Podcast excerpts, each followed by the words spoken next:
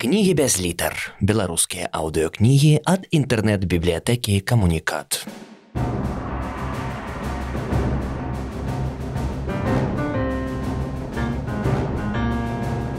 Олесь Пашкевич.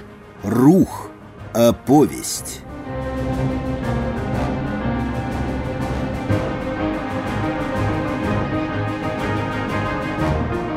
Яго ведаюць усе, прынамсі чулі ці сустракаліся. Калі не з прозвішчам, дык з тым, што яно пачало азначаць у свядомасці грамадства два і 21 стагоддзяў дызель. І ні тыя стагоддзі, ні грамадства без яго ўжо існаваць не могуць, хоць і не памятаюць, аднак штодня чуюць і сустракаюцца. Падчас з'яўлення гэтай аповесці пра лёсы вынаходнікаў і нафтамагнатаў узнікала яскравае жаданне з таго, што было, ёсць і будзе, выпісаць рэальнасць, якой магчыма і не было, але якая нараджаецца ва ўяве чытача ці хаця б самога аўтара. Але ж ён звычайны чалавек, які здараецца нават і сябе можа не ведаць, А што казаць пра рэальна дзейсных сто гадоў таму персанажаў? Вось і давялося, усведамляючы творчы грэх біяграфічнай выдумкі, ды абыходзячы цянёты каля дакументальнай прозы, змяняць некаторым героям імёны ці літары ў прозвішчах, пераўвасабляючы іх у двайнікі цені. І спадзяюся, яны не будуць мець на тое крыўды, ну хоць бы лепшыя з іх. Аўтар.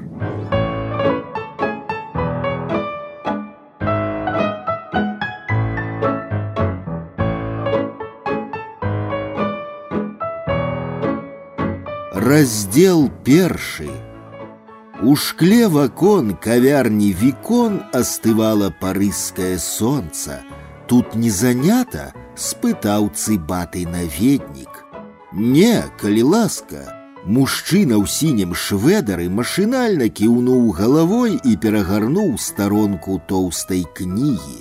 Але чытаць расхацелася, і ён у вомерх агледзеў суседа ў спакойным шэрым гарнітуры, затым свае пазногці, і прыхінуўся да спінкі фатэля. Яны замовілі амаль адно і тое ж кураня на грылі, салат і віно, толькі той, хто ў гарнітуры чырвонае, а мужчына ў шведары белае. Солнце спусцілася яшчэ ніжэй на бульвар Манпарнас, адлюстравалася ў соннай сене, ды зноў мякка дзюбнула промнем у шкло. З веранды далягляд закрывала жалезная спаруда ў драўляных рыштаваннях, ужо на трэць узведзеная вежа эфеля. Чатырохногую раскірэку не абмяркоўваў толькі нямы. А як вам гэты монстр? спытаў мужчына ў шведары суседа па століку. Ды нічога, забаўна, здаецца, і сонца да яго ўжо прывыкла. Глядзіце, ляжыць на вежы, як на трымальніку яйка ў смятку. Вы паэт? Не, наадварот. Адкуль жа такая метафора? Напэўна, ад перанасычанасці тэхнікай. Я інжынер, гэта вы, думаю, літаратар, Мужчына ў гарнітуры паправіў пазалочанае пенсне і кіўнуў на адкладзеную кнігу. Шведар усміхнуўся. Не, таксама наадварот. Ён паказаў шмуц тытул, на якім тлуста значылася супраціўленне металу Йозафа Легера і працягнуў руку. Выкладчык тэхнічнай школы Адам Мацкевич, Рудольф Дызель, назваўся і суразмоўца. Яны замовілі яшчэ віна і загаварылі як даўнія таварышы, якія, аднак адзін пра другога нічога не ведалі, былі неабароненымі ад алкаголю, паколькі сустракаліся з ім нячаста, а таму хутка захмялелі і яшчэ хутчэй раззнаёміліся. І Рудольф і Адам нарадзіліся ў Парыжы, бацькі першага немцы некалі мелі тут скураную майстэрню, галоўны прыбытак якой прыносіў пераплёт кніг. Аднак пачалася французска-пруская вайна, сям'я падалася ў бежанства ў Англію. Наполеон III са сваім войскам капітуляваў і 13гадовага Рудольфа выправілі да родзічаў у нямецкі Аусбург набірацца навукі. І ён не падвёў, займеў добрую стыпендыю ды закончыў мюнхенскую вышэйшую тэхнічную школу, а девять гадоў таму па рэкамендацыі свайго настаўніка прафесара Лінде зноў вярнуўся ў парыж на халадзільны завод хірша і стаў яго дырэктарам. Лёс Адама быў надзіва падобным, таксама вайна і паязджанства бацькоў. Неверагодна, дзівіўся Рудольф. Мой бацька, як і твой, быў пераплётчыкам. Казімір Мацкевіч, бацька Адама, малады прафесор, звольнены з працай за незалежніцкі светапогляд і недабранадзейнасць, вымушаны быў лячыць у сваім маёнтку кнігі для ўсёй губерні. Калегі ды сябры спрабавалі падтрымаць грашыма, але ганарлівы шляхціч крыўдаваў і адмаўляўся, і тады яны пайшлі ў абход, знайшліся сотні кніг, уладальнікі якіх неадкладна захацелі даць ім новае жыццё, так і з'явілася праца. Вояк, праўда, да таго ён выкладаў гісторыю ў віленскім універсітэце, а затым, пакінуўшы пераплётчыцкі варштат, стаў паўстанцам, узяў у руки стрэльбу ды пайшоў у лес. Адам узняў келіх і прапанаваў: « Давай за здароўе нашых бацькоў. Прыгубілі і Рудольфу дакладніў. А віленскі універсітэт гэта дзе? У літве Беларусі. Адам уздыхнуў, бачачы, што суразмоўца застаецца ў неразуменні, пастукаў пальцамі па стале, падсунуў дзве талеркі, а паміж імі паставіў келіх з віном. Вось глядзі, тут дзе салата, Польшча, Рудольф усміхнуўся і бадзёра кіўнуў. А дзе парэшткі курыцы Расія, паміж імі радзіма маіх бацькоў. Цяпер жа і там і там Адам тыцнуў пальцам на салат і віно. Невядомасць новага гістарычнага мацерыка было заўважна зацікавіла да таго скаванага і напружанага Рудольфа.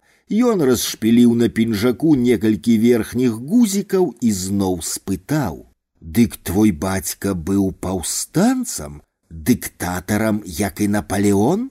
Ды не. Адам прыхінуўся да стала і расправіў свае каштанавыя вусы. Кіраўніком паўстання супраць расійскага цара ў тым краі быў іншы чалавек. Адам задумаўся і махнуў шырокай даланёй.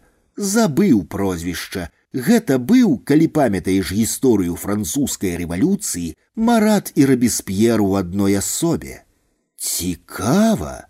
Рудольф расшпіліў усе гузікі на пінжаку і паправіў гальштук. І даўно тое было. У 1863 за год да майго з'яўлення. А сам ты выкладаеш? Так, а калі пачала расці гэтая вежа, Адам кіўнуў на рыштаванні жалезнай спаруды, стаў адным з арміі інжынераў на яе будаўніцтве.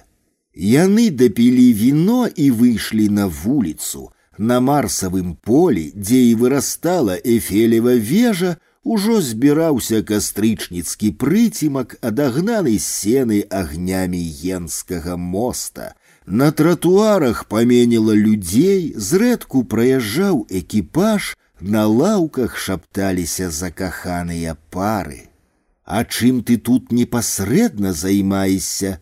спытаў Рудольф і схаваў пенсне ў верхнюю кішэньку пінжака. Заклёпкамі. Адам ускудлаціў свой густы вожык, усміхнуўся, і ад вачэй разышліся маладыя маршчынкі. Праз іх я і патрапіў на гэтую грашавітую будоўлю. Уяўляеш, ва ўсёй канструкцыі неабходна змацаваць 18 тысячаў металічных дэталяў, а яны ад адной да дзясяткаў тон вагой, і па праекце трымацца будуць на двух з паловай мільёнах балтоў заклёпак. А яны, як разумееш, мусяць быць мацнейшымі за асноўны метал. Вось я і сачу за іх закалкай, ну ды ты і сам як інжынер ведаеш. Рудольф узняў бровы і загаварыў як на лекцыі. Трываласць металу можна значна павысіць шляхам ягонага высокага награвання а затым хуткага астуджвання пажадана ў вадкасцях. Так, на шчасце мае загатоўкі аказаліся наймацнейшымі і мяне ўзялі на працу. Ну а працэс загартоўкі металу, прызнаюся, падгледзеў яшчэ падчас студэнцкай практыкі ў адной з правінцыйных кузняў. Яны маладыя, няўрымслівыя, амбітныя, маглі прагаварыць пра свае клопаты бясконца, але кожнага зранку чакала праца, а таму мусілі развітвацца, абмяняліся адрасамі, дамовіліся пра новыя сустрэчы і разышліся. Дома састарэлы Казімір Мацкевіч ужо збіраўся класціся спаць, калі ўзбуджаны сын абняў яго і нечакана выдыхнуў. Нешта ты давно не рассказываў мне пра свае маладыя гады. Бацька сеў на ложак, уважліва паглядзеў на сына і усміхнуўся. Я ўжо драмлю, прабач, А калі табе не спіцца, ты ведаеш тую шафу. Возьми, почитай.